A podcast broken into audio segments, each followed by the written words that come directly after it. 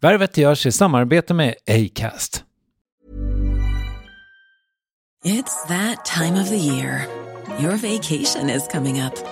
You can already hear the beach waves, feel the warm breeze, relax and think about work. You really, really want it all to work out while you're away. Monday.com gives you and the team that peace of mind. When all work is on one platform and everyone's in sync, things just flow wherever you are. Tap the banner to go to Monday.com.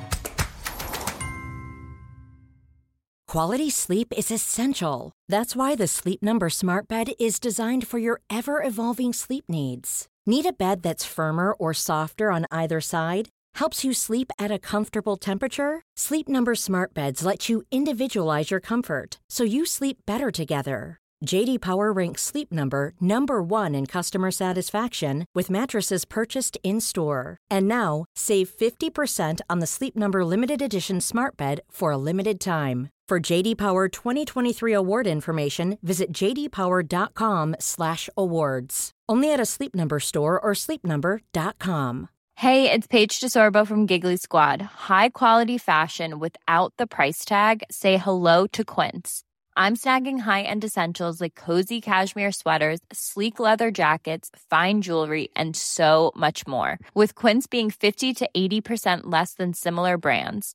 And they partner with factories that prioritize safe, ethical, and responsible manufacturing. I love that. Luxury quality within reach. Go to quince.com slash style to get free shipping and 365 day returns on your next order. Quince.com slash style. Värvet sponsras av SAS Eurobonus och SAS Eurobonus Mastercard. Och det här är ett budskap som jag tänker kan vara bra för den som antingen gillar guldkant på till exempel tillvaron eller för den som gillar att slå två flugor i en smäll. Om jag tittar på vad jag gör av med under en dag så är det typ 85% mat. Kanske tar jag en kaffe ute och relativt ofta unnar jag mig en lunch men framförallt så handlar jag middagskäk och det blir nästan alltid ungefär 327 kronor. Och jag är förvisso med i alla mataffärers kundklubbar så jag får väl något slags luddig poäng på mina köp. Men får jag poäng på allt, överallt? Jag får ju inte det och det är dumt, för visst, Eurobonus kan användas till resor, lounger och uppgraderingar men otroligt mycket mer, som att bo på något av de 250 000 anslutna hotellen som finns att välja mellan. Perfekt om man vill ha en staycation med sin partner eller så. Få poäng på allt överallt och det börjar på SAS Eurobonus Mastercard.se. SAS Eurobonus Mastercard.se. Tack SAS Eurobonus och SAS Eurobonus Mastercard.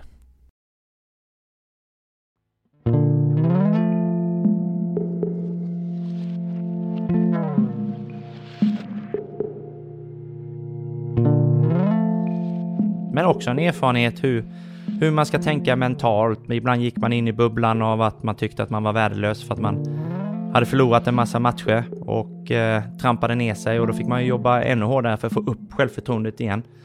Och eh, jag har också haft en dålig självkänsla som gjort att jag kanske fått kämpa lite extra i, ibland med mig själv.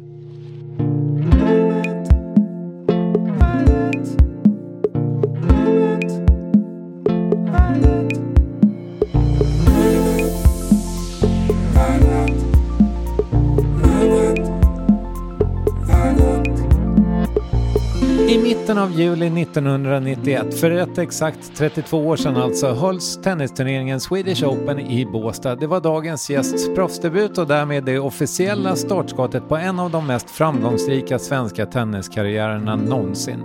Ja, Jonas Björkman hade alltså tagit smått ofattbara 54 dubbeltitlar och sex singelditon när han hängde upp proffstennisskorna i Björken för gott 2008. En riktigt dum fråga om att satsa allt, mental träning, hur det är att komma tillbaka till ett vanligt liv efter att ha levt i en resväska i 17 år och om man är rikare idag än under proffsåren. Det avhandlas i avsnitt 582.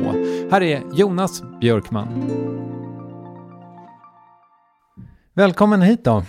Tack så mycket! Ja, vad skönt. Eh, Och har du andan 100% i halsen? Eller? Jajamän, jag är så taggad. Ja, okej. Du, eh, jag tänkte att jag skulle göra vad eh, man i branschen kallar för en brant ingång. Ja. Eh, det vill säga att jag, jag håller inte på krusidullar så mycket mer i eh, och så. Jag ska bara ställa ner mina nivåer lite. Eh, nej, jag tänkte att vi skulle göra så här. Ett slags eh, experiment. Jag Ja. brukar inte göra riktigt så här. Men Jonas, Den 23 juni 2008, ganska exakt 15 år sedan faktiskt. Ja. Vad hände då? Eh, nej, men jag gick väl ut officiellt och sa att det blev mitt sista år på eh, eh touren, måste det nog ha varit. Mm. Kan du måla den bilden? Hur, hur mådde du? Vad gjorde du? Alltså, hur såg situationen ut? Eh, nej, men jag mådde väl egentligen väldigt bra, för jag eh, hade känt eh, ungefär kanske sex veckor innan att jag hade spelat en tävling, jag tror det var Hamburg, eh, och förlorat och normalt sett är man rätt besviken. Eh, men jag var inte besviken, eh, utan då kände jag att nej, det här är någonting fel. Om jag inte är så besviken som jag ska vara, då är det nog ett, eh, nu är det nog en känsla som gör att det är faktiskt dags att sluta. Eh, segrarna var inte lika sköna och förlusterna framförallt som inte sved. Så att jag kände mig mentalt klar och genom att jag hade gått så pass länge Eh, vad ska man säga, jag var 36, det var väldigt ovanligt. Nu är det ju tvärtom, eh, nu är det många som är över 30 plus. Eh, men då var det ovanligt, så att jag hade ju haft liksom två, tre år där folk hade frågat, ja när ska du sluta, när ska du sluta? Och där och då kände jag att, nej men nu, nu, är, nu är jag nöjd och eh, nästan sugen på att göra någonting annat och istället för att hålla det hemligt så tyckte jag det var skönt att officiellt bara gå ut och säga jag spelar färdigt det här året. Men om man vänder på det då, varför höll du längre än alla andra? Jag menar, det låter, alltså min gissning är ju att du, du hade optimerat ditt liv verkligen, det kanske, men det kanske alla gör. Alltså du hade mer i familjen, du var farsa sedan några år tillbaka. Ja, eh, nej, men jag tror väl alla har väl den målsättningen i alla fall. Eh, jag tror jag hade förmånen av att eh, vara lite late bloomer. Eh, så jag, jag, jag reste ju inte runt på det sättet som junior, utan eh, jag var ju först 18 eller 19 nästan när jag började åka utomlands och tävla. Jag hade inte tävlat eh, på internationell mark tidigare. Så... Låna ihop pengar med ja. Ja, men faktiskt. Mm. Eh, och, nej, men så på det sättet blev det väl att jag, eh, jag var sugen. Eh, det var mycket han inte hade sett när jag var 25. och, och samtidigt, eh, så självklart är ju det viktigaste är ju att eh, resultaten är där. Jag, jag var fortfarande uppe på den nivån där jag kände att jag kunde kriga om eh, Grand Slam-titlar i dubbel och vara bland de bästa där och jag fortfarande låg på en bra nivå i, i, i singeln som gjorde att jag hela tiden kände att jag, jag kunde gå hela vägen ibland. Så, så det gjorde väl att eh, min karriär kanske höll sig längre än många andra. Men sen tror jag också att jag, jag hade en målsättning på att alltid försöka träna lite mer eh, och eh, höll mig skadefri och det kan väl vara lite av eh, eh, framgången i det. Mm.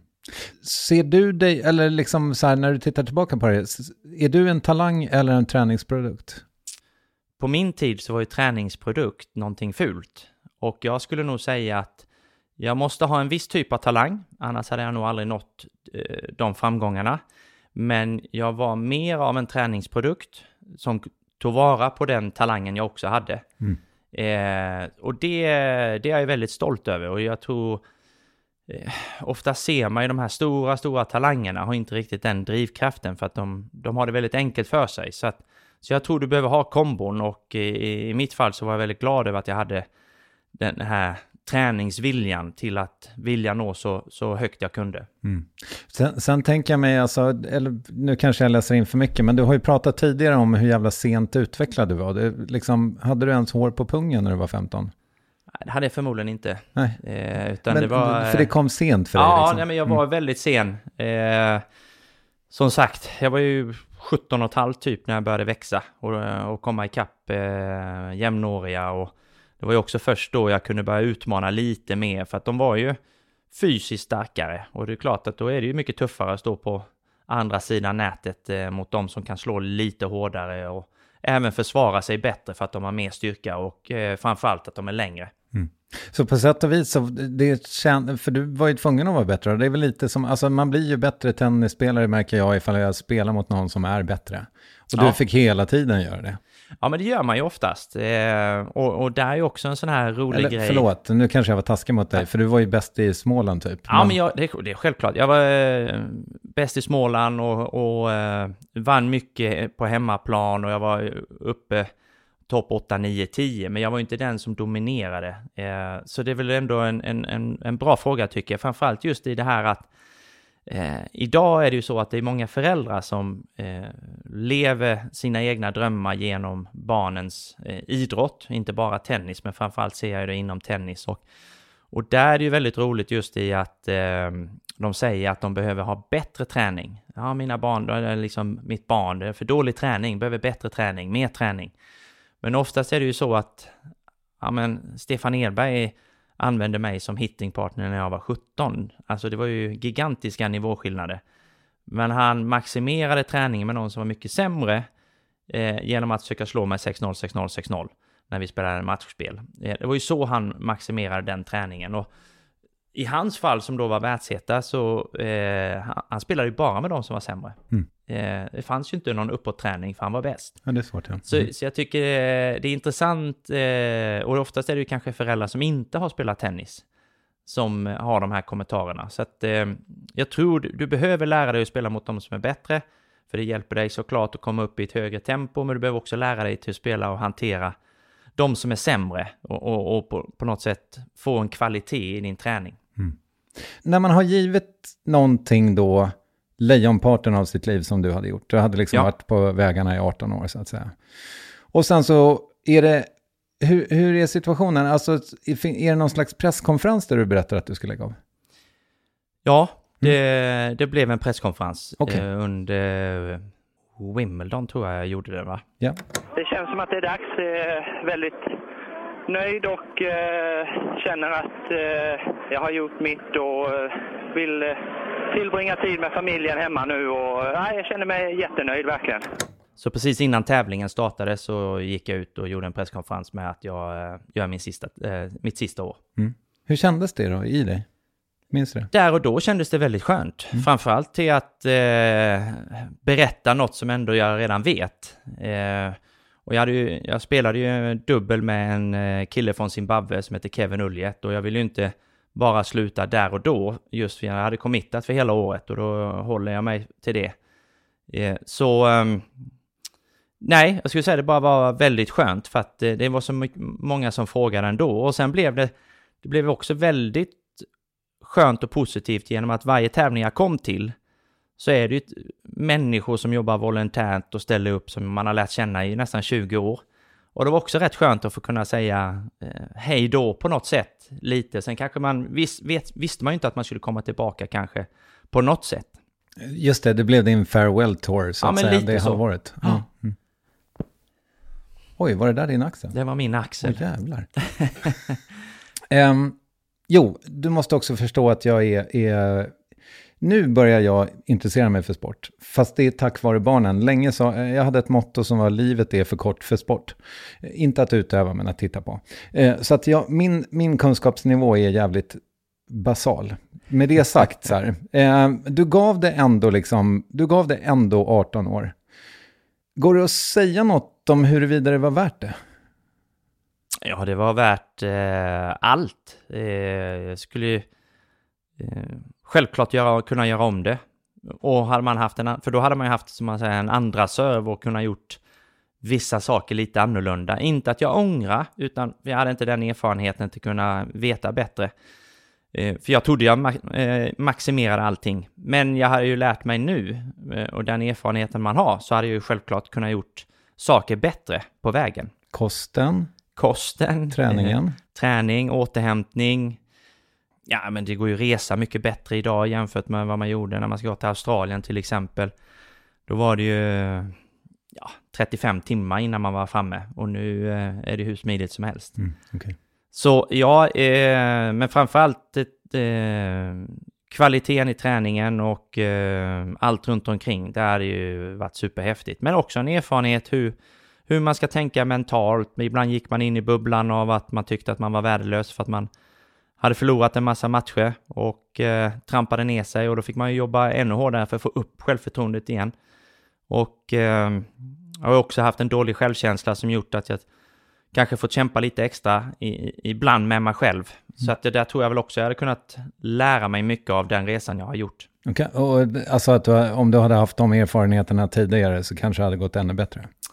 Det vet man ju aldrig, men eh, det känns ju som att jag hade kunnat eh, hantera saker mycket bättre, framförallt kanske pressen när jag hade min bästa ranking och hur jag skulle hantera det. Jag trodde jag gjorde rätt, men gjorde väl rätt många fel eh, nu i efterhand. Men... Eh, det var en annan tid också, tänker jag. Alltså, ja, men det var det ju. Ja, mm. eh, det fanns ju inte sociala medier. så, så det, bara där är det ju stor skillnad. Eh, sen självklart, jag, jag har missat många vänners bröllop och eh, svensexor och eh, födelsedagsfirande och sånt, men eh, samtidigt, jag har fått mycket annat. Jag har fått väldigt många vänner eh, runt om i världen som jag fortfarande har väldigt bra kontakt med. Mm. Men, men du, ja precis, och det där, för det är ju det liksom, alltså, okej, okay, men det kanske är den dummaste fråga du har fått ifall det var värt det på något sätt. Men jag tänker just i ljuset av alla jävla uppoffringar som du ändå gör. Jag menar, du hänger ju upp ditt liv då på, eh, du berättade någonstans att du hade liksom, ja men du hade två semestrar på 18 år. Ja. Eh, ja, eh, samtidigt så har man ju fått så mycket annat. Eh, och jag tror som, som person så har jag växt enormt mycket. Då har jag tennisen att tacka jättemycket verkligen med tanke på kanske var den då som satt längst bak i klassen, eh, lite försynt, blyg och som sagt dålig självkänsla så har jag, är jag en annan person idag. Så att jag tror eh, jag har en enorm tacksamhet till den resan jag har fått göra och eh, också eh, all bra ledarskap som jag har haft runt omkring mig med bra tränare och eh, mentala rådgivare till bra personer runt omkring som bra vänner som, som har hjälpt mig mm. väldigt mycket. Mm. Okej. Okay. Ja, eh, men om, om vi har liksom de här uppoffringarna i ena vågskålen då, och sen så har du dina erfarenheter och det där, men, men liksom, alltså när du berättar om de här åren, det känns ju inte som att det du minns är liksom, det, var, det är inte njutningen du tittar tillbaka på. Oj, vad härligt det var att vinna. Jag menar, en intressant parallell är så här, jag frågade Therese Alshammar eh, kring något lopp så här, när hon då slår i fingertopparna i plattan liksom, och tiden är över så här, så frågade jag henne hur länge hon var glad efter den där VM-pokalen eller vad det var. Om jag ställer samma fråga till dig, liksom, hur, när du liksom hade tagit en titel, minns du hur länge, hur länge satt den känslan i? men den kunde sitta, sitta kvar en liten stund i alla fall, men det var ju också lite beroende på vad som skulle hända veckan efter. Ibland var det ju, eh, ibland var det bara packa hem och packa grejerna och sen dra till flygplatsen. Och det är klart, då blev det ju inte... Eh, då, då försvinner ju den själva eh, segersötman lite. Eh, men sen ibland kunde man kanske ha eh, spelat färdigt, eh, typ eh, kanske en US Open om man vet att man har en vecka ledigt eller någonting. Ja, det är klart, då kunde man gå ut och ta en middag. Eh, och då, då njuter man ju såklart hela den kvällen också. Mm. Men eh, det, jag, tror man, jag tror man njöt alldeles för lite jämfört med vad man kanske borde göra. Så det är max, max eh, liksom rekordet då är en kväll i princip i njutning? I stort sett ja. ja. ja. för sen är det liksom en ny, ny vecka och sen börjar man om och ny, nya förberedelser inför ny tävling och ja, då släpper man den biten. Men å andra sidan så kanske inte, jag menar, det går väl, alltså om du hade varit så här, ja men jag har tagit en titel, varför skulle jag, alltså det blir ju också fel om du skulle luta dig tillbaka bara för att du har fått mer en pokal hem. Ja, mm. nej men precis. Nej men då vill man ju bara ha mer. Eh, för det är ju ändå en speciell känsla att, att lyckas och, och ta sig hela vägen eh, till att vinna en tävling. Och sen är det ju då rankingmål, så det är klart att hela tiden strävar man ju efter att eh, bli ännu bättre på, på rankingen, eh, både singel och dubbel och även om jag då nådde maximalt i dubbel så blev det ändå på något sätt att ja, men då ville man börja räkna eh, antal titlar och jag hade ju Anders Järryd som jag såg upp till väldigt mycket och försökte jaga hans eh, rekord oftast då. Så att, eh, ja, men man, man på något sätt hittade he hela tiden nya mål till att eh, försöka ta nästa steg. Var det viktigt att du sk skulle ha mål? Jag tror det var viktigt att ha delmål hela tiden för att eh, på något sätt inspirera sig själv till att gå ut och, och kanske träna och nöta de här slagen eh, varje dag. Det är klart att det är precis som ett vanligt jobb, det är inte alla dagar som är roliga. Och då måste man göra kanske, måste man ha lite av de målen för att, eh, och kanske inte ha ett, bara ett långsiktigt mål för det, det är för långt fram. Eh, man behöver ha någonting som är lite kortare och närmare så att man känner liksom att man kan jaga det. Men jag tänker mig, du i din telefonbok, hur många proffs, gamla proffsidrottare är det i den där telefonen? Ja, det är en bra fråga. Är det ett par hundra i alla fall? Va? Ja, men det är det säkert. Ja. Hur många av dem mådde piss när de la av? Jag tror väl de flesta egentligen mår rätt bra, men jag tror väl de som... Eh, de som fick avsluta sin karriär kanske på grund av skada, tror jag kanske hade lite... Eh, kanske inte ångest, men eh, en sorg just i att de fick inte bestämma sitt öde själva.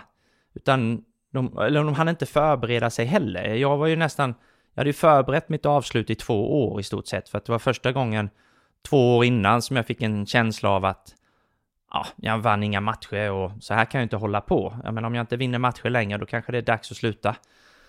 Men, men så för min del så hade jag en lång planering, men jag tror de som bara helt plötsligt märkte att det kom den där olyckliga skadan och sen visade sig att det, det går inte att komma tillbaka.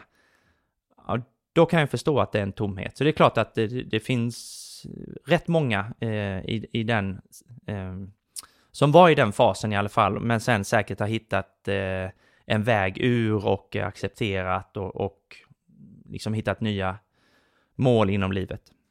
Men okej, okay, och du hade ju liksom krattat manegen för dig själv lite. Du hade dragit igång något liksom tidningsprojekt och skulle, du visste att du skulle jobba med Stockholm Open, eller hur såg det ut? Ja, men jag hade väl, hade väl eh, på något sätt byggt upp en relation med PR Event som de hette på den tiden som drev eh, Båstad. Och, och sen då när vi fick en, när jag hoppade in första året så fick vi en öppning till att ta över Stockholm Open också. Det visste vi ju inte. Eh, men eh, så det är klart att jag hade, jag hade jobbat väldigt nära dem under tiden eh, jag var där och spelade och gjorde mycket extra grejer för att jag, både för att jag tycker det är kul men också för att jag såg en möjlighet att det här är någonting som jag gillar och skulle gärna vilja göra, att liksom, på något sätt gå tillbaka till en tennistävling fast vara på andra sidan. Mm. Även om du eh, hade de här giggen på gång så här, blev du inte lite vilsen ändå? Jag menar, det, var ju, det, var ett, det måste ha varit ett väldigt stort liksom, skifte i hur du levde. Jag menar, efter att ha rest i en resväska, le, levt i en resväska, det var svårt att säga, i 18 år liksom. Och sen plötsligt ha ett hem igen, typ. Bara ja, men samtidigt så, jag såg fram emot det så mycket. Mm. Alltså, jag tror, eh, precis som du säger, fotboll, hockey så här, men eh, som är lagsporter, men du, du har ändå ett hem. Mm. Eh, som, och sen har du dina matcher, beroende på vad du är, du är utomlands så har du kanske spelat två, tre gånger i veckan, men du kommer nästan alltid tillbaka till ditt hem. I, I mitt fall var det tvärtom. Jag, jag var ju ute och reste 35-37 veckor beroende på med Davis Cup-veckorna.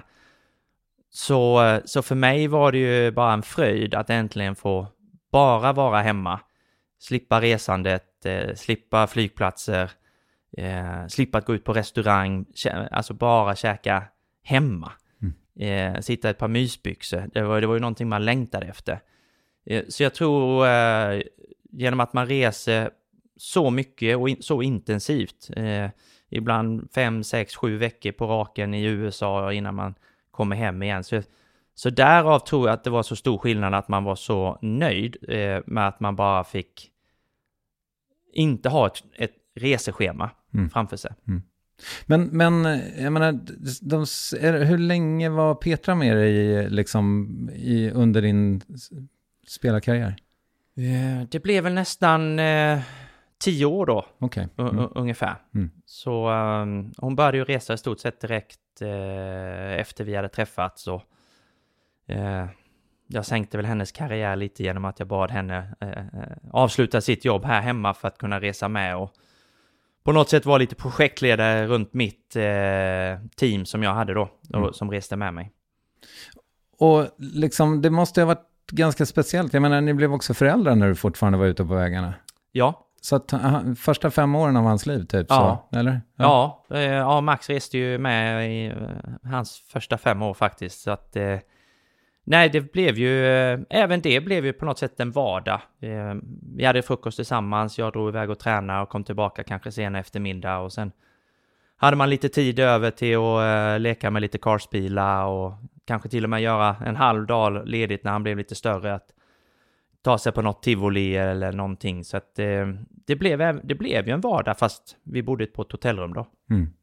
Och, förlåt om jag uppehåller mig mycket vid det här, men jag tänker ändå att det är ju speciellt med er idrottsmän, att man liksom, man är, som jag tänker mig att ditt liv var när du var liksom i din prime, så är det ju liksom vart du än kommer så finns det människor som tar hand om dig, som vill att du ska skriva autografer, som vill ha bilder med dig, som berättar vad du ska vara och liksom när och så vidare. I viss mån också din fru då, antar ja. jag, som håller koll på det. Men, men sen då, eh, när karriären slutar, då finns ju inte det där längre. Nej. Eller vi, vissa av dem, vissa grejer kanske finns fortfarande, men, men vad fan den omställningen då? Att du har ju liksom levt i en snitslad bana.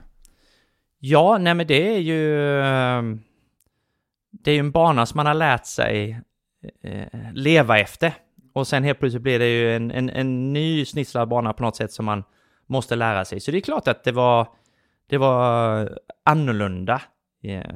Det var både skönt och annorlunda och ibland lite, eh, vad ska man säga, en osäkerhet såklart. Eh, jag kom väl också in i en liten period när man flyttade hem och vi, eh, man lär ju känna, barnen kom igång med sin idrott och så lär man ju känna eh, föräldrar som blev vänner och och då märkte man ju också liksom på något sätt, fasen alla är så sjukt duktiga.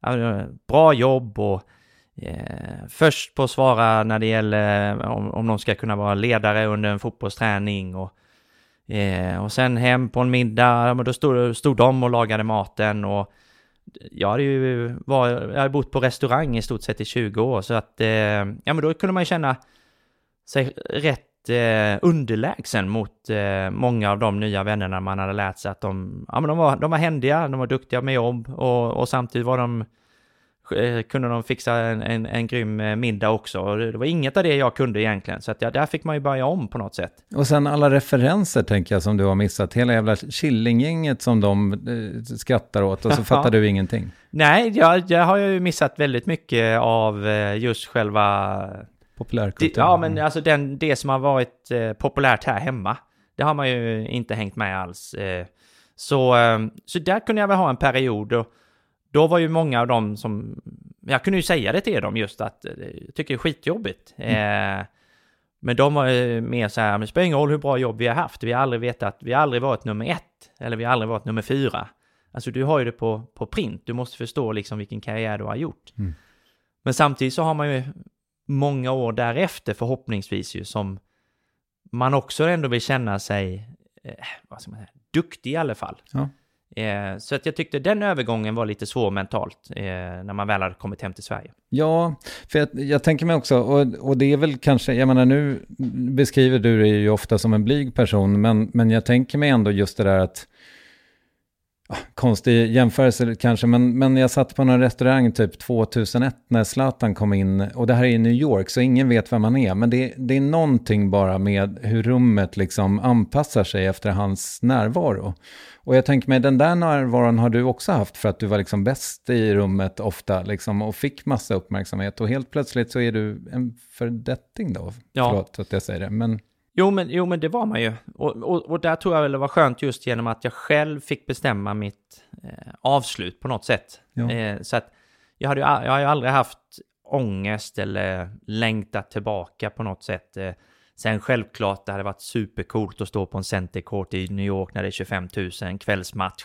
Blir liksom inte bättre. Mm. Men så vet jag ju också vad som krävs för att kunna stå där. Och då, då vet man ju att nej, det, den, det, allt det arbetet har jag gjort. Då, jag hellre, då är jag hellre där och tittar på de som ska spela istället. Du, eh, nu var det flera år sedan, men, men eh, jag tittade på allt jag hittade i min Apple TV med dig och det var inte så jävla mycket ska sägas. Och då fanns det två program, det ena var Vem kan slå Anja och Foppa. Tack. Och det andra var hemma hos Strömstedts. Just det. Och, och där är det liksom någon slags husesyns... Eh, fan vad, fan vad jag störde mig på att de låtsades sova hos er för övrigt. Det var så jävla störigt. Man ser ju att det är dagsljus utanför när ni gör de synkarna. De orkade ju inte ens stanna kvar tills det blev mörkt. Fy fan vad fuskigt. ja, men han är ju gnagare. Ja, jag förstår att han inte ville sova hos dig. Du hänger med djurgårdare hörde jag här innan. Ja, det gör jag. Ja. Och eh, min son höll på Djurgården. Nu, han har snackat om att byta för han har köpt aktier i AIK. Jaha, ja, vad, jag trodde han skulle säga Hammarby, det hade varit bättre. Ja, nej, det kommer nog inte bli. Eh, det gör ingenting. Men vi ska prata lite andra om, eh, om hans andra klubbar alldeles strax. Nej, men, men eh, jo, men då eh, när det går husesyn, då har ju du alla dina, eh, liksom, vad heter det? Priser? Ja, Ja. uppe. Ja. Sitter de där fortfarande? Ja, men det gör de. Och de var ju inte uppe... Ja, de har ju nästan aldrig varit uppe. De har ju varit i eh, låde. Mm. Och sen eh, eh, flyttade vi till Saltsjöbaden och så var de fortfarande i låde och sen bytte vi hus. Och då var det på något sätt, eh, det var redan en bokhylla där eh, på den våningen så att eh, Ja men då kändes det bara liksom, fasen ska de bara ligga där och skräpa de här lådorna nu som de har gjort i så många år så att eh, Ja, då blir, tyckte jag och Petra tyckte också det liksom att eh, plocka upp, plocka fram några, några som har betytt väldigt mycket. Mm. Eh, så nu står de där. Eh, och det är ju faktiskt rätt roligt. Man är ju dålig fortfarande på att titta, titta tillbaka till vad man kanske har varit med om. Men de finns där i alla fall, så att jag ser ju dem.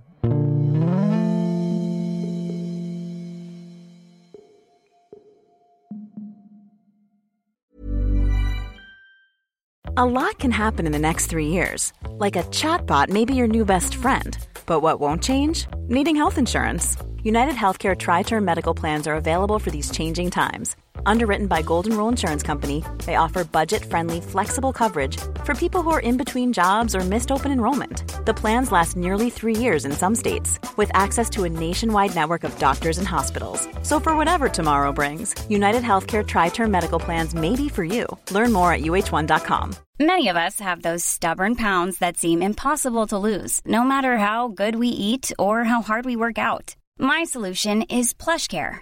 PlushCare is a leading telehealth provider with doctors who are there for you day and night to partner with you in your weight loss journey. They can prescribe FDA-approved weight loss medications like Wagovi and Zepbound for those who qualify. Plus, they accept most insurance plans. To get started, visit plushcare.com slash weight loss. That's plushcare.com slash weight loss. Quality sleep is essential. That's why the Sleep Number Smart Bed is designed for your ever evolving sleep needs. Need a bed that's firmer or softer on either side? Helps you sleep at a comfortable temperature? Sleep Number Smart Beds let you individualize your comfort so you sleep better together. JD Power ranks Sleep Number number 1 in customer satisfaction with mattresses purchased in-store. And now, save 50% on the Sleep Number limited edition Smart Bed for a limited time. For JD Power 2023 award information, visit jdpower.com/awards. Only at a Sleep Number store or sleepnumber.com.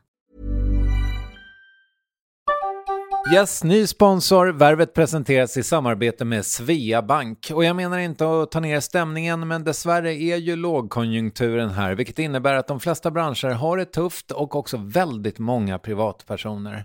Jag vet själv vad det är att ha en trasslig privatekonomi. Det var struligt i många år för mig och låg ofta post i hallen med trista logotyper i ena hörnet och jag hade också i flera års tid ett helt gäng betalningsanmärkningar.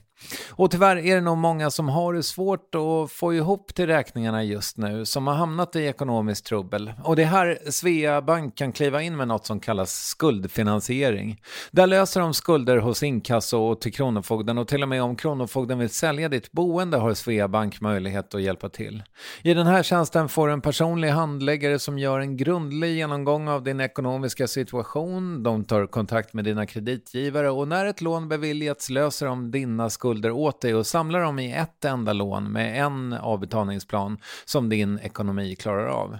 För om du har hamnat i klister, du är inte ensam och kanske kan det här hjälpa dig. På svea.com skuldfinans kan du läsa mer. Tack Sveabank!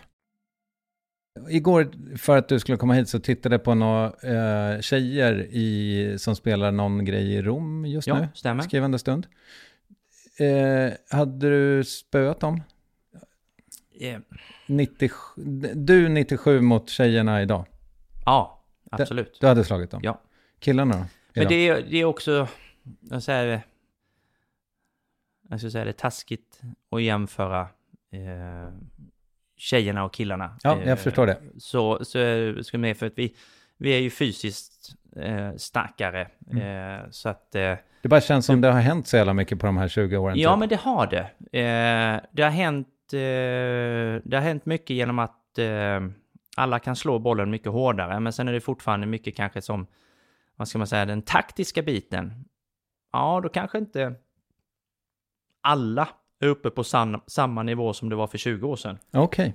Mm. Utan då, det är också en anledning varför kanske Nadal, Federer, Djokovic, Murray och några där har varit med så länge för att de är de har kunnat anpassa sig till tempot och röra sig lika bra, men de har en, eh, de har en kunskap taktiskt som många brister. Mm. Det skulle jag vilja säga är den stora skillnaden. Att... eh, Men tennis, jag har inte en chans mot eh, dagens spelare. Det är syrgas, det är syrgas efter tre hörn. Ja, okej. Ja, ja, ja. Och, det, och det är ju rätt häftigt för att när man var aktiv så um, tänkte man inte på det och sen nu när man spelar en timma för skojs skull så märker man ju hur fysiskt eh, krävande tennis är. Mm. Ju- Just genom att det är ju det är ju max sprint till bollen under bollduellen. Och vi, sen självklart har du lite vila emellan, men sen är det max sprint igen. Mm. Så att eh, ja, man förstod ju hur pass bra eh, tränad man var på den tiden. Det blir ju lättare med paddel genom att jag inte behöver vara fysiskt lika, eh, lika bra form. För man behöver inte röra sig, det är mindre bana. Tennisen är ju mer krävande och också då lättare när man är uppe 50 plus. Till att kanske dra en, en baksida eller åka på någon gubbvad eller någonting. Så att det, du ökar ju skaderisken lite när man inte underhåller sig själv och där är jag väldigt dålig. Nu var det några år sedan, men jag, spe, jag, jag hade någon sån liten tennis... Eh, jag, jag gick ett tag och spelade någonting med i veckan på... Eh, Ja, men där, vad fan heter den? Janne Lundqvist. Eh, Ja, eh, ja. Och då, det var ju mäktigt för att man liksom... Man träffade Björn Borg där. Ja. Träffade, man såg. Ja, Ja. precis. Ja. Han var ju där rätt ofta. ja, är han det fortfarande? Jag tror inte han spelar lika mycket längre faktiskt. Jag tror han kom till ett läge där eh, han underhöll det. Mm. Och för att han hade ett skönt gäng att spela med. Men sen, nu känns det som att han inte spelar väldigt mycket, eh, någonting alls knappt. Har du hunnit spela mot honom? Eh, jag, jag, eh, eh, jag fick en möjlighet. Vi var och spelade en, eh, vad ska man säga, Pro-Am-tävling innan US Open uppe ovanför New York. Och eh, han var där och skulle spela också. Och då, då hade jag lärt känna honom lite i alla fall. Men han är ju vår kung. Eh, och eh, ja, det, han är en rockstar verkligen eh, för oss alla. Men, då- men då kände jag att nej, men då hade jag modet att gå fram och bara säga Finns det en möjlighet kan vi bara stå och slå 15 minuter. Eh, för jag hade fått möta så pass många bra spelare i, i matcher eller kunnat träna med, men jag hade aldrig liksom haft en möjlighet att få slå några slag med honom. För mig var det liksom, ja men det var bucket list liksom, det var pricken över it över de man har eh, mött och tävlat mot under min eh, karriär. Så att det var en fantastisk känsla att få eh, spela med honom. Ni, räknar inte poängen där? Vi räknade inte poäng. Okej. Hur hade det gått om ni hade gjort det? Nej, men då hade jag ju klart vunnit för att då, jag var ju fortfarande aktiv och han hade ju slutat väldigt eh, långt tillbaka och det blir ju stor skillnad då.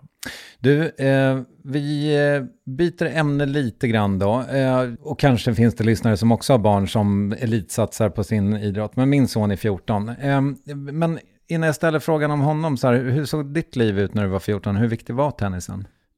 Ja, den var väldigt viktig för att eh, det var egentligen nästan där och då som jag bestämde mig att det bara skulle bli tennis. Mm.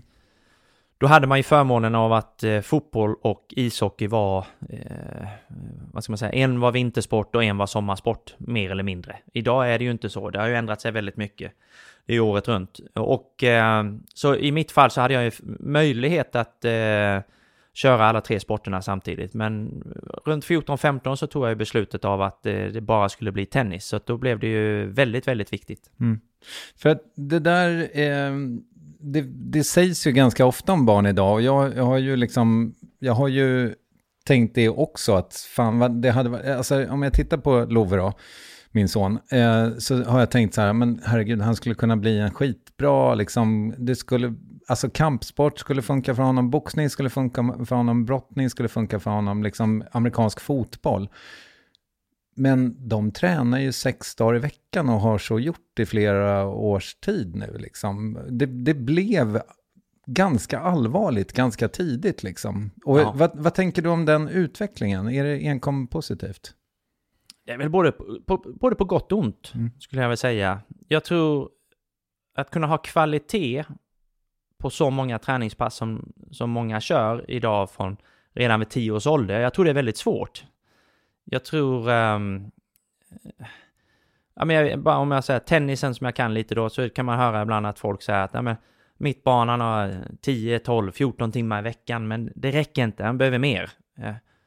Och vem säger det Mm. eh, egentligen? Om man säger. Och då är det så här att när man ser de träningspassen så, kan, så ser man ju att barnet orkar ju inte hålla eh, fokus och koncentration under de här timmarna. Och då är ju kvantitet helt meningslöst.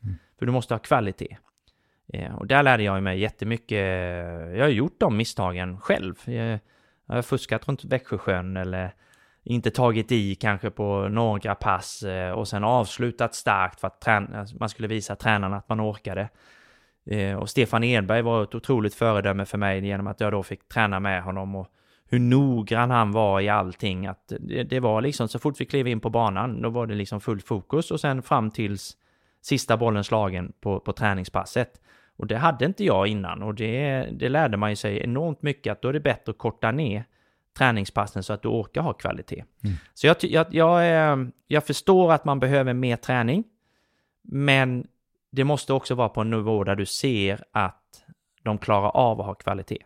Men men vad tänker du liksom om det här då? För att om man tittar på fotbollen som väl är största sporten globalt sett.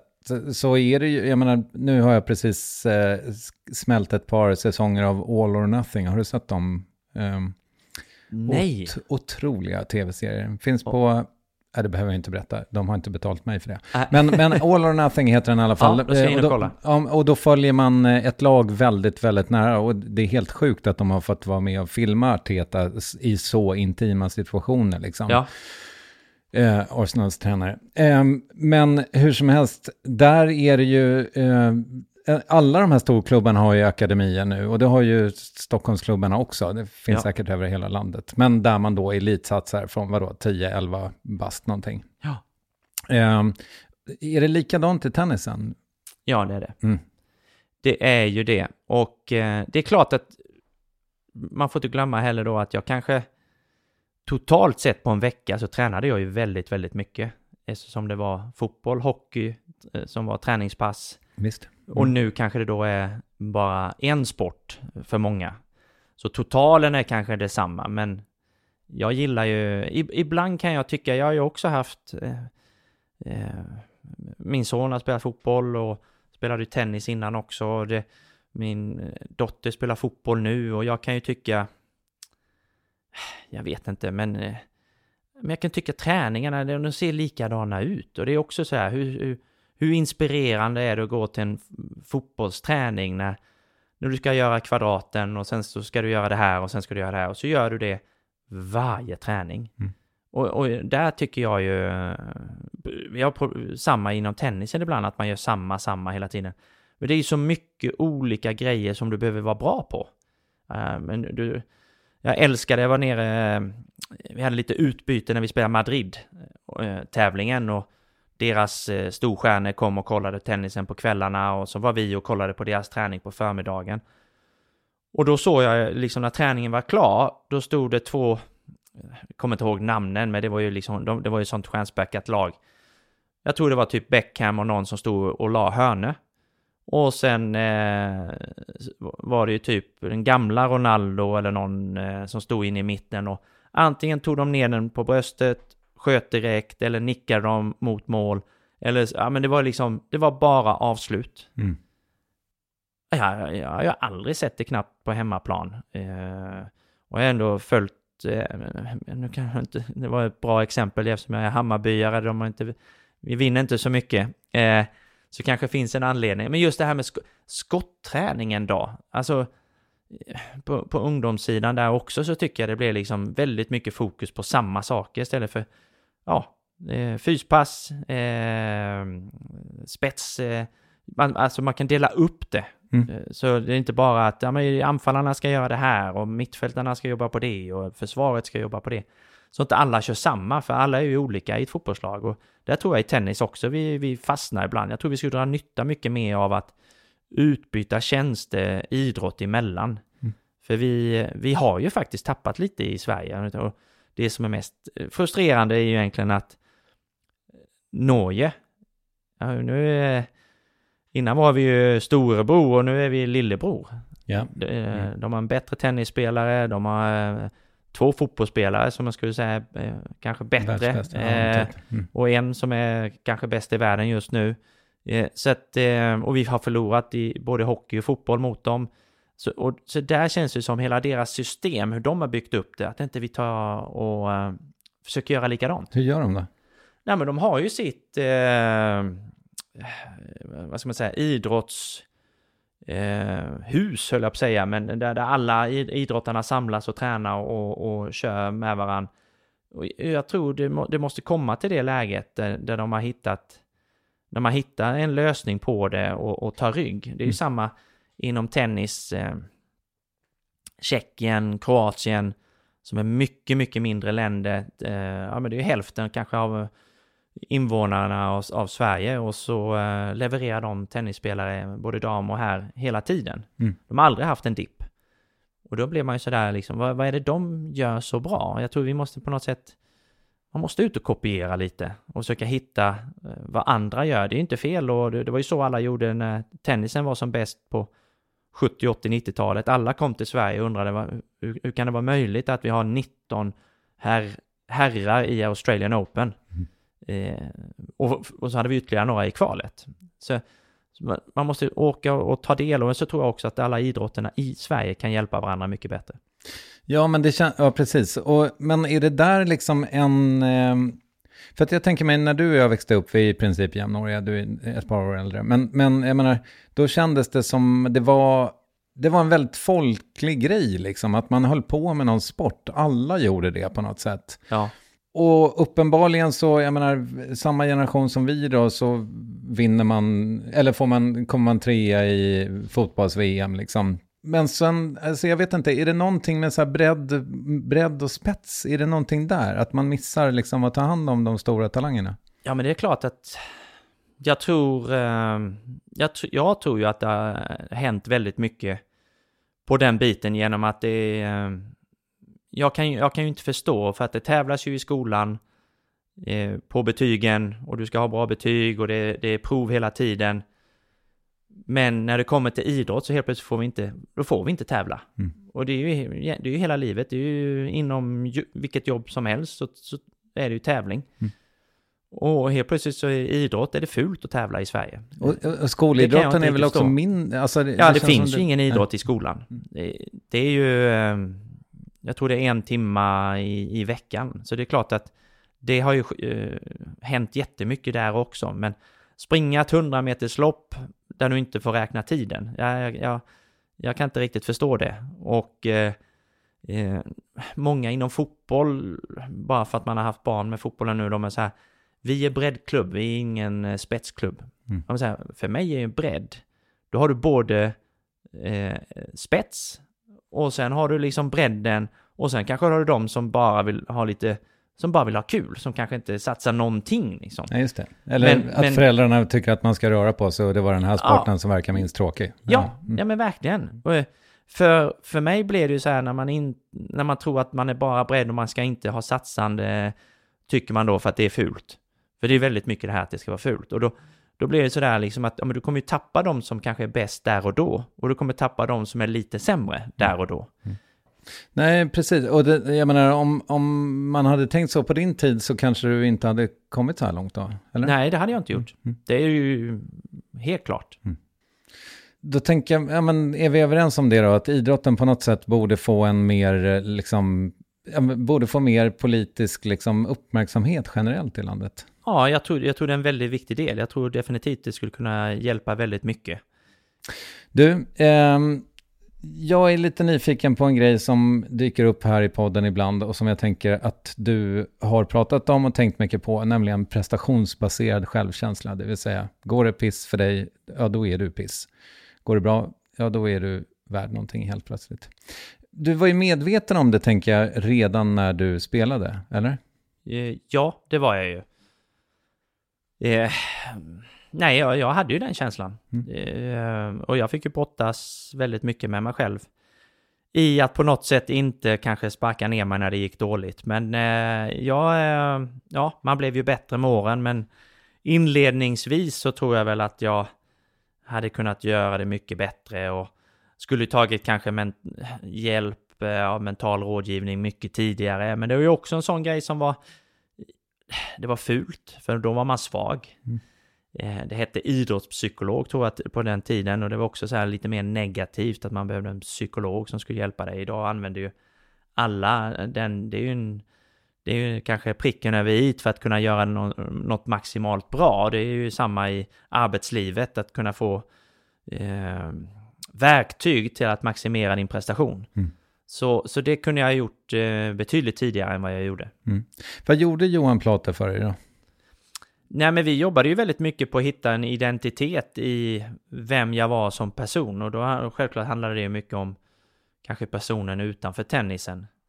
Och sen när den blev ganska tydlig på vem jag var, vilket jag kanske hade en liten känsla av, men jag hade kanske inte riktigt förstått eh, allt i hur, hur jag eh, eh, vad ska man säga, hur jag var som person. Så, så, så blev ju den bilden väldigt tydlig och sen jobbade vi väldigt mycket på kanske den privata biten, hur jag skulle kanske hantera mig själv bättre och göra saker bättre. Och när jag väl lyckades med det så blev ju det också ett resultat i att jag kunde hantera mig själv bättre på plan. Mm. Så, så jag tror väl egentligen vi, självklart gjorde vi grejer just specifikt för tennisen, men vi, jag, jag tror Johans styrka var ju att han hjälpte mig väldigt mycket vid sidan om. Mm. Eh, och det genererade sen till att jag också blev, eh, hanterade saker bättre på tennisplan. Går det att säga någonting konkret, liksom hur, alltså, hur det faktiskt gick till att nå det där? Ja, men det var mycket, det var mycket som att handla om eh, kanske delmål i, i matcherna ibland, att inte ha... Eh, det var inte bara vinst och förlust som räknades, utan det kunde också vara saker som jag skulle lyckas med eh, under själva matchen.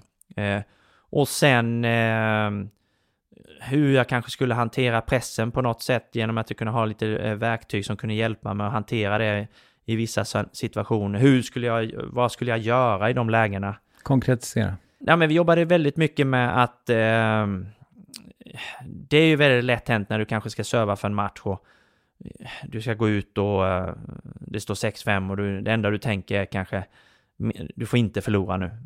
Men det är ju snarare tvärt, du måste tänka tvärtom liksom. Mm. För tänker du så, så ja men då, då kommer du förlora liksom. Så, uh, vad ska man säga, det, hela tiden fanns en förberedelse på vad gör jag i det läget? Ja men då, då måste jag kanske fokusera blicken på någonting och så här, liksom få bort alla tankarna under de där 90 sekunderna så att jag bara kanske sitter och dricker och någonting och sen så när väl domaren säger time så, så går jag ut och då där och då helt plötsligt blir det mer att jag bara går ut och, och kör. Men om jag sitter och bara funderar på saker så att jag behövde ha liksom någon, jag behövde ha de verktygen som gjorde att jag liksom kopplade bort vissa saker och kanske innan matcher hur jag kunde förbereda mig så att mitt fokus skulle vara på topp liksom. Mm. Ja, men du kan veta, musik, ja men det, gillar, det gillade jag liksom. Ja, men då kanske ha lite musik. Och då ser ju också alla, vi har ju ett och samma omklädningsrum så att mm. då ser ju alla andra att ja men nu går han in i bubblan och förbereder sig. Då, då går man inte och snackar med honom. Gissning, jag gissar Dire Straits.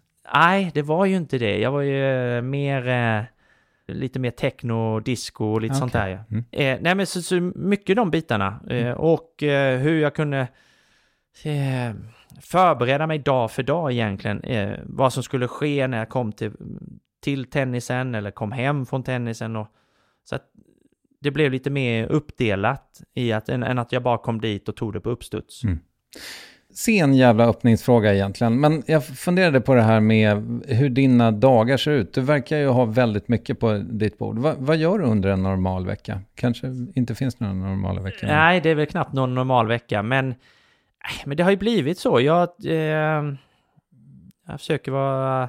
Det är ju många bollar i luften genom att jag tycker att det är också roligt att göra de här grejerna. Så att jag är tränare för Miriam Björklund och försöker vara med henne ibland, men hon är också en situation där hon har ju mer, mer kostnader än inkomster, så att det är också tufft att, att ha med sig en tränare och, och täcka eh, hotellrum och allting. Eh, så i dagsläget har det inte blivit så mycket resa, men jag följer hennes eh, tävlingsschema och eh, hennes matcher så mycket jag kan. Eh, och sen eh, eh, har jag ett uppdrag i Dubai som jag jobbar med en tävling som heter World Paddle League. Där jag hjälper dem med att få in ett bra startfält och signa spelare och eh, även lite andra grejer runt omkring. Men då är jag ju konsult eh, och sen är jag eh, förbundskapten i padel. Mm. Så har, jobbar med herrlandslaget där och eh, vi har ett eh, mästerskap till höst. Så att jag åker runt och kollar på det, våra svenska tävlingar och tittar på vilka som är aktuella för att bli uttagna. Eh, sen eh, eh, driver jag en stiftelse med Måns Zelmerlöw som heter Zelmerlöw Björkman Foundation. Det firar tio år i år. Vi har byggt upp en skola i, i Kenya i stort sett med, med hjälp av eh, en, en fantastisk eh, maratonlöpare som heter Isaac eh, som, som äger marken och var den som startade liksom det hela med eh, en annan organisation. Eh, och sen har vi kommit in och vad är den, liksom den stora eh, bidragsgivaren eh, till att ja, ett internat för 150 tjejer som inte kan bo hemma för de blir utsatta Eh, Eh, antingen med våld eller sexuellt och eh, alla de här ungdomarna eh, kommer då från slumområden utan el och vatten. Så det är de som inte har råd att gå till skolan. Så att det har varit en fantastisk resa som vi har ja, lyckats göra väldigt mycket med. Som bara mycket just för att man kände att vi gjorde väldigt mycket bra grejer på, på tennistouren. Varje vecka är vi med och stöttar någonting, men man fick inte den här uppföljningen och det var det som både Måns och jag eh, drevs av att det vore kul att se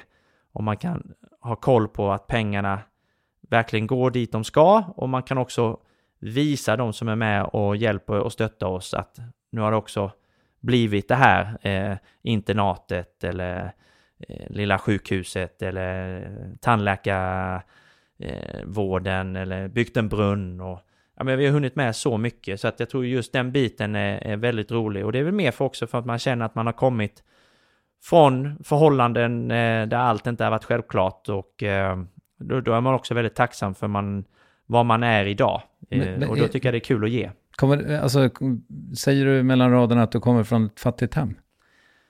Jag kommer inte från ett fattigt hem, men det är klart att det, det, det var annorlunda, det var ändå eh, det var husvagnssemester och det var, pappa hade tre jobb. Eh, han var brevbärare. Eh, sen var han eh, trummis i ett band och eh, åkte runt och körde dansbandsmusik. Eh, och sen var han hockeydomare. Så det är klart, då min eh, mamma var eh, dagisfröken, så det var inte så att det var enkelt att bara ta sig ut och, och satsa som, som tennisspelare. Mm. men jag tror väl alla de enkla förhållandena, jag skulle säga fattigt kanske är fel ord, men enkla förhållandena eh, också har hjälpt en på vägen tror jag. Mm. Har du syskon? Jag har en lilla syster. Okej, okay. vad blev det Eller av lilla henne? syster, men ja, hon är tre år yngre. Okej, okay. vad blev det av henne? Eh, hon eh, bor i Båstad, eh, jobbar eh, på ett ställe där nere, träffade en kille från Laholm och vi spenderade mycket eh, sommar där nere så att det blev väl naturligt att, eh, både att hon träffade någon där i krokarna och sen även att mina föräldrar bor där nu då. Okej, okay, jag förstår. Eh, så, så, och jag har säkert glömt någonting. Ja, jag, ja det har du. Ja, jag mm. kommenterar tennis på uh, Discovery. Finns säkert någonting mer som jag bara helt plötsligt glömmer här nu. Men det, det, jag kan väl säga att det har varit otroligt lärorikt. Men sen ibland kan jag väl också känna att jag är jag har lite för många projekt igång. Mm. Genom att eh, det hade varit kul att ha ett, en eller två projekt. Som man, eh, men ibland kan man hamna lite på minus och ligga lite eh, efter. Det var svårt att få dygnets timmar att räcka till. Ja, men lite så. Mm. Eh, för ibland är alla grejerna superviktiga och det händer väldigt mycket och då, då ska man hinna med all, allihopa samtidigt. Och sen ibland kan det vara lite lugnare period. Du glömde ju eh, det som verkar glassigast av allt. Du har något gig på Maldiverna tror jag. Ja, jag är ambassadör på, ett, eh, på en resort eh, som heter Soneva Resorts faktiskt. Så att, eh, ja, det stämmer. Mm. Eh, så jag är lite tennistränare eh, eh, där för deras gäster. Så att det är en fantastisk möjlighet. och det visste man ju inte heller att tennisen skulle ge dig de eh, vad ska man säga, jobberbjudanden. Så nej, det är härligt. Det är, hon är de är två delägare, det är ett par, så att hon är svensk. Så eh, det är också väldigt roligt att det finns den svenska anknytningen. Mm. Men du, eh, eh, paddel, hur, hur, mycket tar det liksom, alltså jag menar själva entreprenörskapet? Du äger massa hallar.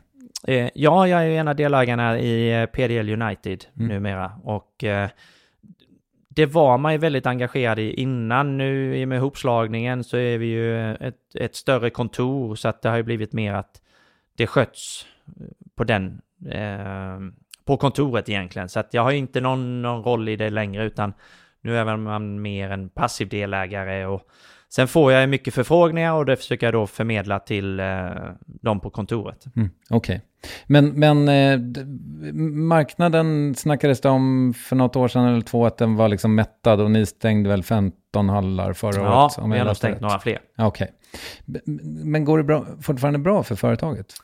jag tror det är, det är en ganska tuff tid fortfarande genom att, eh, vad ska man säga, det har byggts för många banor och hallar. Eh, och egentligen går, jag tror vi går igenom samma som golfen gjorde när den eh, fick ett uppsving.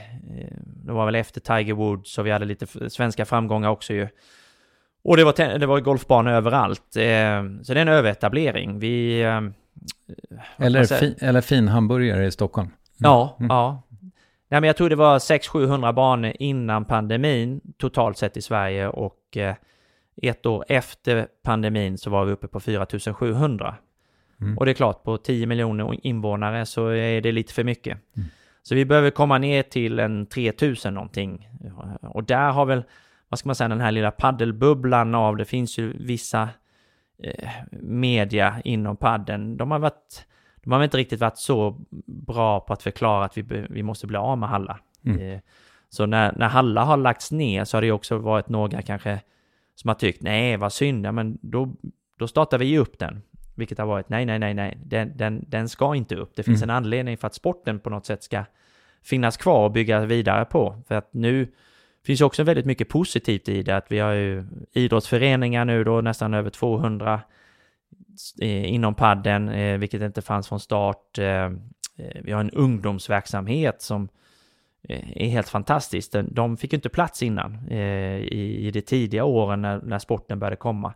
Och alla mellanchefer skulle ha sönder sina knän på Ja, mm. så, att, så, så, så jag tror att framtiden är ju ljus, men det handlar ju om att eh, hallägare ska överleva på något sätt såklart, genom att just nu är det för många och då det är priskrig här, här överallt liksom. Man måste hitta en bättre balans i allting, men jag skulle säga sporten i sig eh, går bra. Mm. Eh, och vi blir bättre och bättre både på, vad ska man säga, den elitnivå till att eh, ja, vi kommer ha väldigt bra ungdomar här framåt också. Bredd och spets. Ja. Mm.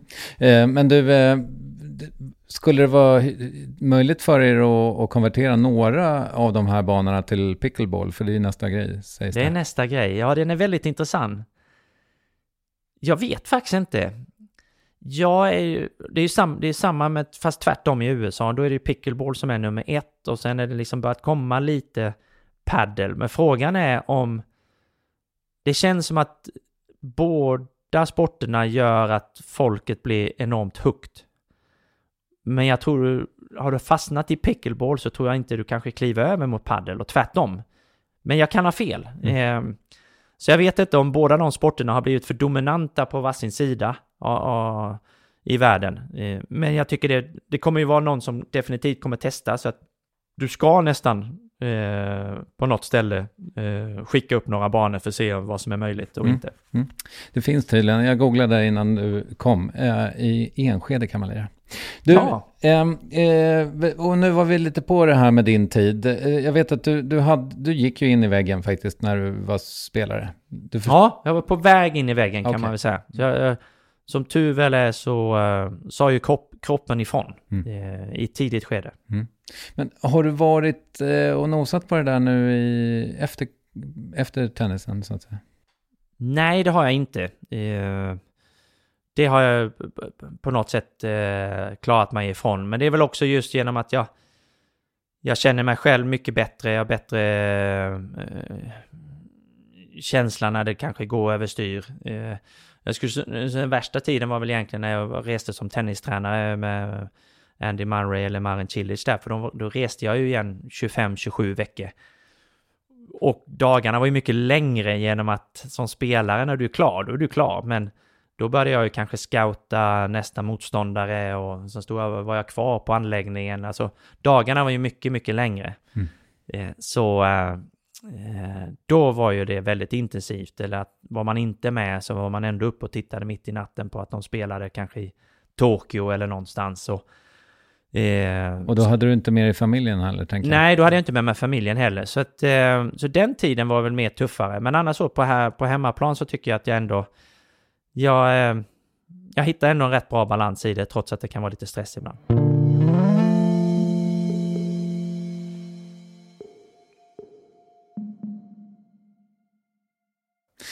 Ofin fråga, men jag är ändå jävligt nyfiken. Du tjänade ju bra, tänker jag, under dina år som tennisspelare. Ja. Är du rikare idag än du var när du la av tennisen? Nej, det är tyvärr inte kanske, men eh, samtidigt, jag är rikare på eh, erfarenhet och eh, nya vänner. Mm. Som, också, eh, som också betyder mycket. Okay. Jag skulle säga ibland... Eh, eh, jag vet inte om, om man hade varit lyckligare om, om bankkontot bara växer och växer och växer på ett sätt. Jag tror du, du behöver ha en kombo i det. Jag tror om du bara är helt obegränsad så tror jag ändå du måste ha någonting vid sidan om, även om du vet att du kan köpa precis vad som helst, så tror jag det även de personerna behöver ha någonting vid, vid sin sida eh, för att kunna njuta och vara glad över att vara i den situationen de är. Mm. Och vi pratade lite om det här med njutning förut. Är du bättre på det idag än du var förr då? Både och. Jag kan fortfarande bli mycket bättre. Jag, jag skulle säga att jag, jag, jag är duktig på att stanna upp ibland, men eh, skulle jag definitivt, eh, både jag och min fru, eh, vi, har, vi har en tendens att eh, hellre säga ja än säga nej. Och eh, där behöver vi bli, eh, vi behöver bli bättre på, på den biten och stanna upp och njuta lite mer. Mm. Du, eh, ni har lyckats hålla ihop ett äktenskap i 40 år eller vad fan det blir. Nej, men ja, ja. ja, ni har varit ihop i alla fall i typ 30 år. Eh, ja, vad blev det? Eller 25 i alla fall va? Ja. Alltså vad, vad är tricket? Nej men... Jag tror, jag tror väl... Eh, på något sätt så handlar det väl om att det ska vara det är ju en kombo. Det ska ju vara din bästa vän och kompis också vid sidan, vid sidan av kärleksrelationen. Men just att vi, vi har ju haft, vi har haft fantastiskt roligt på, på alla de här resorna och eh, ja, vi, vi, har hittat våra roller på något sätt lite mer. Vi har också haft ett bolag tillsammans sen start och eh, vi har det fortfarande och vi har liksom inte de problemen till att jobba ihop heller. Men, men det har väl också varit för att man vet vad den andra kan och, och vad man ska göra. Så att det, det känns ganska naturligt. Men jag tror det är väl väldigt viktigt att man har kul ihop. Mm. Du, eh, jag ska, vi ska snart sluta tänker jag, men, men eh, ni har ju också, eh, framförallt Petra tänker jag, men ni har ju eh, men, hjälpt väldigt många andra som har barn med eh, diagnoser. N ja. NPF säger man va? Ja. Ehm, var det självklart att ni skulle vara publika med det? Nej, absolut inte. Utan eh, det, det, var ju egentligen först... Det var väl egentligen först när barnen blev så stora så att man kunde ställa den frågan till dem. Eh, Petra har ju haft den här drömmen ja, sju, åtta års tid skulle jag väl säga. Ehm, men det är väl först nu där hon kände att det var kanske en, en, en möjlighet att, att uh, fråga barnen vad de känner. Uh, om de var redo till att, uh, att det blev offentligt och att på något sätt kunna hjälpa andra. och när de väl sa ja så kände Petra att då kunde hon dra igång det här projektet och varit en fantastisk respons i det och vi är ju, vi är i tuffa tider nu. Det är, du kan ha diagnoser men du kan också ha en psykisk ohälsa väldigt mycket på grund av att vi hade den här pandemin. Jag tror ju i slutändan ska vi nog vara glada att vi, eh, eh våra politiker, eh, tycker jag i alla fall, gjorde, gjorde rätt beslut att inte stänga ner. För jag, jag har sett hur det har varit i Australien när man var där och eh, vi har vänner där nu som berättar om eh, hur tufft det är med den psykisk ohälsa bland ungdomar just som inte...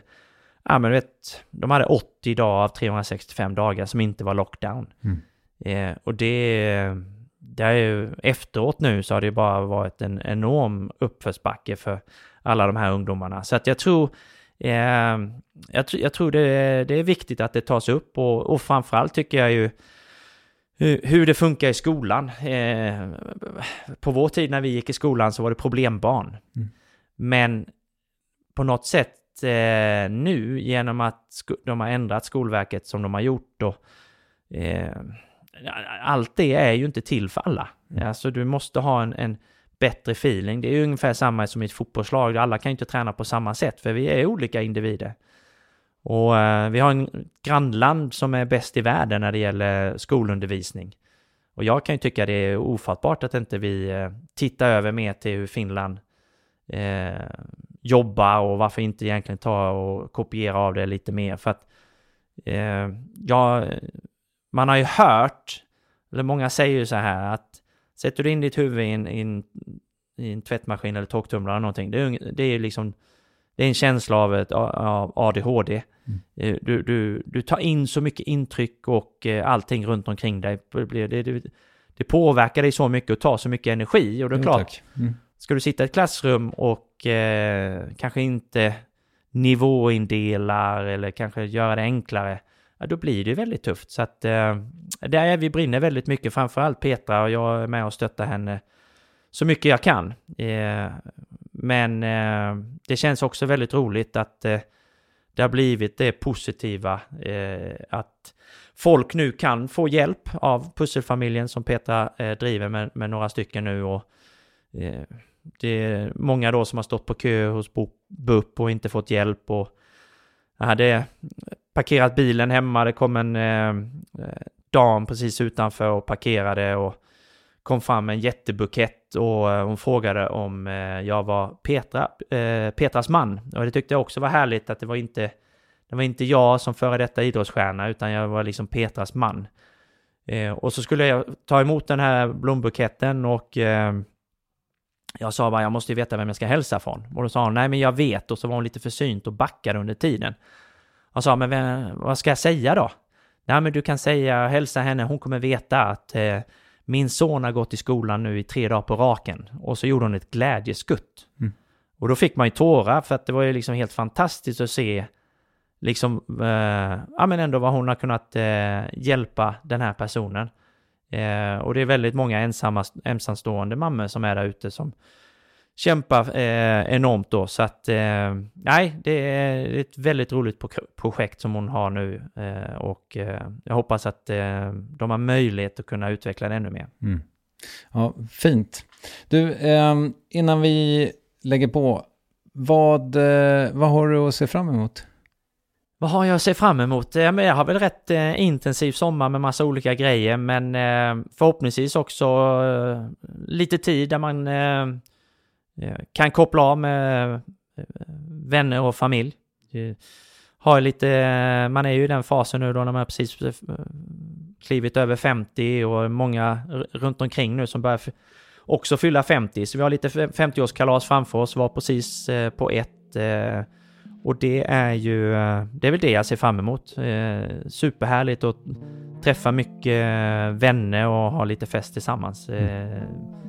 Det, det blev väl det som jag längtar till. Och snacka Killinggängets greatest Exakt, ja. verkligen. Lite Galenskaparna. Ja, just det. Du, tack för att du kom Jonas. Tack så mycket själv.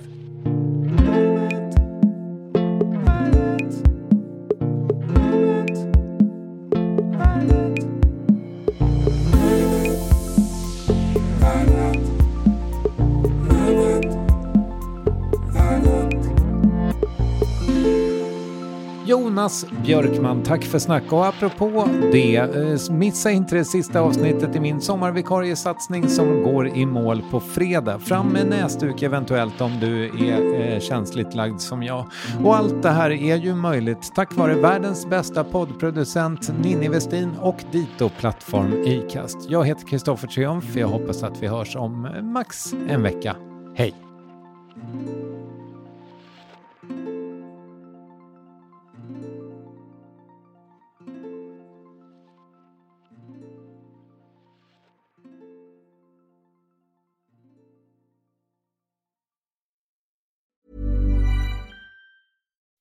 When you make decisions for your company, you look for the no-brainers. If you have a lot of mailing to do, stamps.com is the ultimate no-brainer. Use the stamps.com mobile app to mail everything you need to keep your business running with up to 89% off USPS and UPS. Make the same no-brainer decision as over 1 million other businesses with stamps.com. Use code program for a special offer. That's stamps.com, code program.